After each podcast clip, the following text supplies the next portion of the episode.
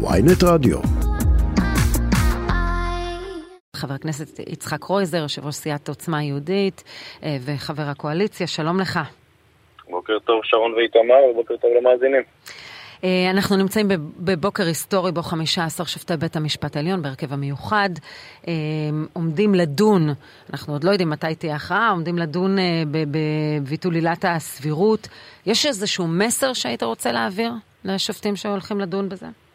אני חושב שהייתי שמח uh, לראות את ההרכב המורחב הזה, ובאמת את uh, נשיאת בית המשפט uh, מודיעים לציבור שאין בידיהם את הסמכות לפסול את חוק היסוד הזה, והם רוצים לשמור על הדמוקרטיה בדיוק כמו שאנחנו, האזרחים והממשלה והכנסת, מעוניינים שתהיה לנו כאן דמוקרטיה חזקה וטובה, ולכן הם פוסלים עצמם מעצם הדיון הזה בכלל של הניסיון לשנות את כללי המשחק ולהוביל אותנו, לצערי הרב, לאיזושהי דיקטטורה שיפוטית מעין כזו, שהם גם אה, יכלו לפסול את, בעצם את החוקה, את חוקי היסוד שיש לנו במדינת ישראל, ואנחנו כבר רואים לאן אנחנו הולכים עם חוק הנבצרות, שבו הם גם יחליטו לאזרחי מדינת ישראל מי יכהן להם כראש ממשלה, ולכן אני חושב שיש כאן הזדמנות היסטורית אה, לאותם אה, שופטים נכבדים, באמת להגן על הדמוקרטיה, כי הכדור כרגע נמצא אה, במגרש שלהם. אז מה אתה בעצם אומר, שאם הם יפסלו את החוק, אז, אז בעצם לא תצייתו, לא הכנסת ולא הממשלה?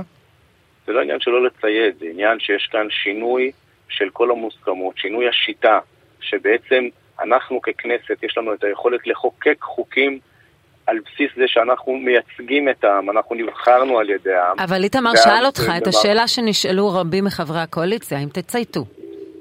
אני אומר שוב פעם, העניין הוא לא לציית או לא לציית. הדיון הזה הוא לא נעשה בסמכות, ולכן אנחנו רואים את, בעצם הדיון כבר פגיעה אנושה בדמוקרטיה, ולכן ביכולתם של השופטים שכרגע נמצאים בהרכב הבאמת מורחב הזה, שכבר שמענו את הדעות שלהם לגבי הליך החקיקה, הרפורמה במערכת המשפט, ובטח אה, ספציפית על צמצום עילת הסבירות, ולכן אנחנו אה, קוראים ואומרים, חבריי חברי uh, השופטים המכובדים, קחו אחריות, תשמרו על הדמוקרטיה ותסגרו את הדיון, כי עצם הדיון הזה הוא פגיעה אנושה בדמוקרטיה הישראלית. אבל אתה אומר דבר שגם נתניהו לא אומר אותו. זאת אומרת, נתניהו כבר מבין שצריך להגיע לפשרה. הוא עושה מאמצים מאוד גדולים. אה, אה, שלא נתרשם מכנות מאמציו, אתם אולי מחשקים אותו עם האמירות שלך ושל איתמר בן גביר. הוא מבין שהוא לא יכול ללכת למהלך הזה, הוא חייב פשרה. אנחנו היינו מאז ומתמיד באותה עמדה שכאשר אנחנו מדברים על הסכמות רחבות בנושא שמעסיק את כל החברה הישראלית, בנושא של איזון בין הרשויות, כי כולנו, כפי שאמרתי, ובטח אתם תסכימו איתי, כולנו רוצים כאן דמוקרטיה חזקה וכולנו רוצים לראות פה מערכת משפט עצמאית, אבל אנחנו לא מוכנים שהכנסת תידרס, הכנסת היא העם, אנחנו מייצגים את הציבור, את העם, ולכן משיטת הממשל, שיטת המשטר במדינת ישראל, שבה לכנסת יש את היכולת לחוקק את החוקים, ובוודאי חוקי יסוד שהם הדבר הקרוב ביותר לחוקה שיש לנו. וככה אנחנו צריכים להישאר, להישאר ולשמור אבל לא תהיה כבר מהפכה משפטית כפי שאתם אולי חולמים.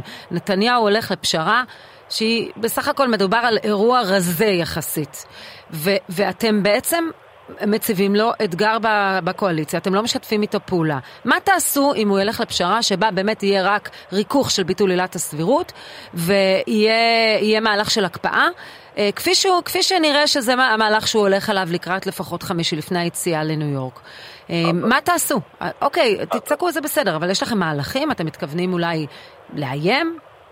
אז אני א' כל שמחתי לראות ולשמוע שגם השר סמוטריץ' וגם שר המשפטים בעצמו שמוביל את הרפורמה במערכת המשפט. כולם מיישרים קו בעמדה הזו אה, בנושא של הדיון, בעצם הדיון הזה של אה, פסילה של אה, חוק יסוד, אבל כפי שאנחנו יכולים להסכים, עילת הסבירות היא לא הנושא, הנושא הוא הגיוון והאיזון, ולכן אם יצומצם או יבוטל או כל פסיקה שלא תהיה של מערכת בתי המשפט, וכשאת מדברת על פשרות, אנחנו רוצים לראות גיוון במערכת המשפט, אנחנו רוצים לראות שמערכת המשפט תהיה מגוונת ולא בדיוק כמו ההרכב שאנחנו רואים עכשיו, שלצערנו כבר אנחנו יודעים או יכולים לנחש אה, את אה, פסיקת בית המשפט גם בנושא הזה, מאחר ואנחנו רואים שהוא לא מגוון, תפיסות העולם, שלה, תפיסות העולם שכרגע קיימות במערכת הן מערכת שמשכפלת את עצמה, ולכן אנחנו ביקשנו, וחלק מהרפורמה, אולי החלק היותר ברפורמה, או הרכב הוועדה לבחירה, גם להצעה של אה, בעצם איזון בין קואליציה ואופוזיציה,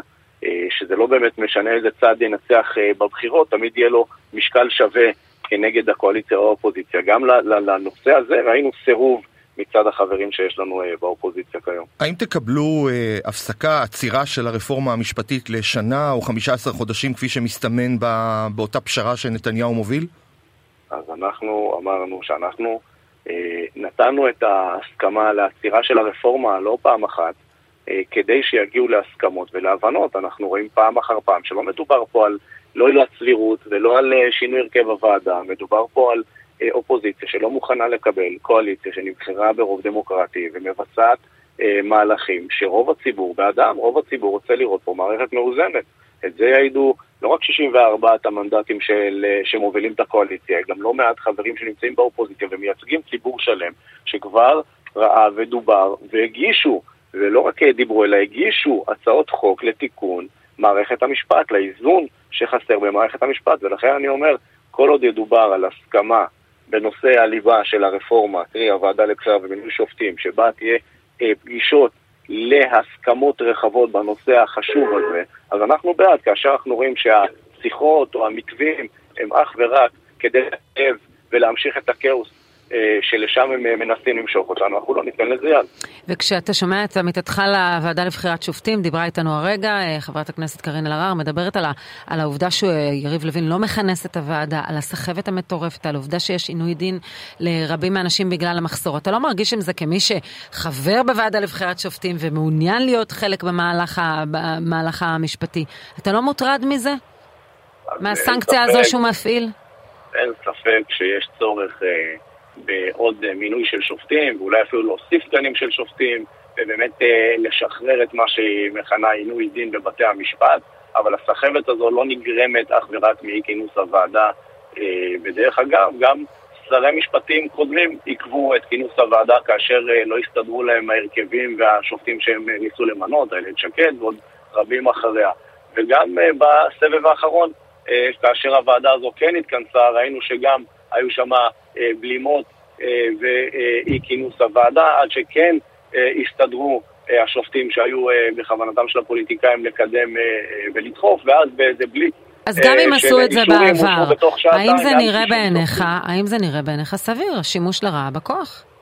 אני לא חושב שיש פה שימוש לרעה בכוח, אני חושב שגם כלשון החוק והחובה של השר לכנס את הוועדה, יש בידו את היכולת להחליט מתי הוא רואה לנכון לכנס את הוועדה. אנחנו חושבים שכל הרפואה שצריכה להגיע וכל הבשורה שצריכה להיות במערכת המשפט מתכנסת לאותה אה, ועדה שממנה שופטים במדינת ישראל, וכדי שהשופטים ומערכת המשפט תהיה מגוונת, ולכן אני אומר, הגיוון הוא זה מה שחשוב, ולא אם יהיה להם מילה כזו או עילה אחרת, כי כאשר אנחנו רואים, בדיוק כמו המקרה שעומד עכשיו אה, בפתחנו, שאנחנו יודעים מראש מה תהיה תוצאת, ה, תוצאת הפסיקה כי אנחנו מכירים את השופטים ויודעים את תפיסות העולם שלהם, ואלה שגם התבטאו בצורה ברורה מעל כל בימה אפשרית כנגד אה, אה, צמצום עילת הסבירות, שזה נושא אחר בפני עצמו. אנחנו רוצים לראות שופטים שבאמת יהיה הרכבים שבהם יושבים שופטים מגוונים עם תפיסות עולם שונות שמשקפות את הציבור במדינת ישראל. עם יד על הלב, אחרי תשעה חודשים, אנחנו רואים את המצב הביטחוני, אנחנו רואים את יוקר המחיה, אנחנו רואים את המשבר החוקתי שנרקם כאן. האם לתינוק הזה פיללתם? אני חושב שיש פה ממשלה שעושה מאמצים כבירים לשנות תפיסת עולם ותפיסת עבודה שלצערנו אנו מורגלים אליה במשך שנים רבות, ואנחנו רואים רק במשרד של השר איתמר בן גביר שהוא הכריז מלחמת חורמה כנגד ארגוני הפשיעה. אנחנו רואים את המלחמה של אותם ארגונים בתוך הרשויות, בתוך השלטון המקומי בחברה הערבית. ראינו את, העלימ... את עצימת העיניים כלפי אה, מאות אלפי כלי נשק שהגיעו למגזר הערבי, את הפריצות לבסיסי צה"ל, את הפרוטקשן שהשתולל ברחובות, ואני שמח שיש פה ממשלה, שאני חלק ממנה, כחבר כנסת וגם בחקיקה שלנו. כן, רק ללא תוצאות עד כה, להפך. המצב מידרדר. כן. שרון. אה, אלה הנתונים, הנתונים בחברה הערבית, אתה רואה את המספרים של הנרצחים. גם בחוק הנשק, אלה חקיקות שלא נעשו במשך שנים רבות, למרות שהמצב העגום הזה היה ידוע לכולם, וכל הממשלות אה, עד עכשיו העדיפו לעצום עיניים ולשתוק ולראות את הפשיעה עולה אה, ואת ארגוני הפשע שהפכו מארגונים לצבאות. חמושות מכף רגל ועד ראש שנמצאות בכל השלטון המקומי כמעט אה, בחברה הערבית, ואנחנו הגענו לנקות אותם, להילחם בהם מלחמת חורמה, זה גם בתקציבים והסיוע והגיבוי למשטרת ישראל בכלים ואמצעים, וזה גם חקיקה שלנו בכנסת, וזה שוב פעם חוזר לאותה נקודה שכאשר אני יושב עם פרקליטים אה, לשעבר, בכירים, שהתעסקו בנושא של הפשיעה במגזר הערבי, והם אומרים לי, אנחנו עובדים קשה, מגבשים ראיות, עובדים על תיקים, אה, יושבים עם אה, המשטרה שבאמת עושה במסגרת המצומצמת שלה אה, וכוח האדם הדל שיש לה והאמצעים הדלים שיש לה כיום, עד שהגיע השר בן גביר ובאמת מזרים לשם כספים ותקציבים וגיוס ובלם את העזיבה במשטרה, ועושים עבודה קשה מאוד, ומגיעים לבתי המשפט, ששוב פעם שופטים שופטים שלא בדין ולא בצדק, ומשחררים את אותם עבריינים. כן, אז אתה מעביר גם את הבעיה של המשילות לשופטים. אה, את הבעיה של... אפשר להתעלם כן. מזה, ולכן אני אומר... אז בוא נראה, הנה העברתם חקיקה, בוא נראה אם אתם מצליחים למגר אותה. חבר הכנסת יצחק קרויזר, יושב ראש סיעת עוצמה היהודית, חבר בוועדה לבחירת שופטים, תודה רבה לך. תודה רבה. תודה לכם, שליחים.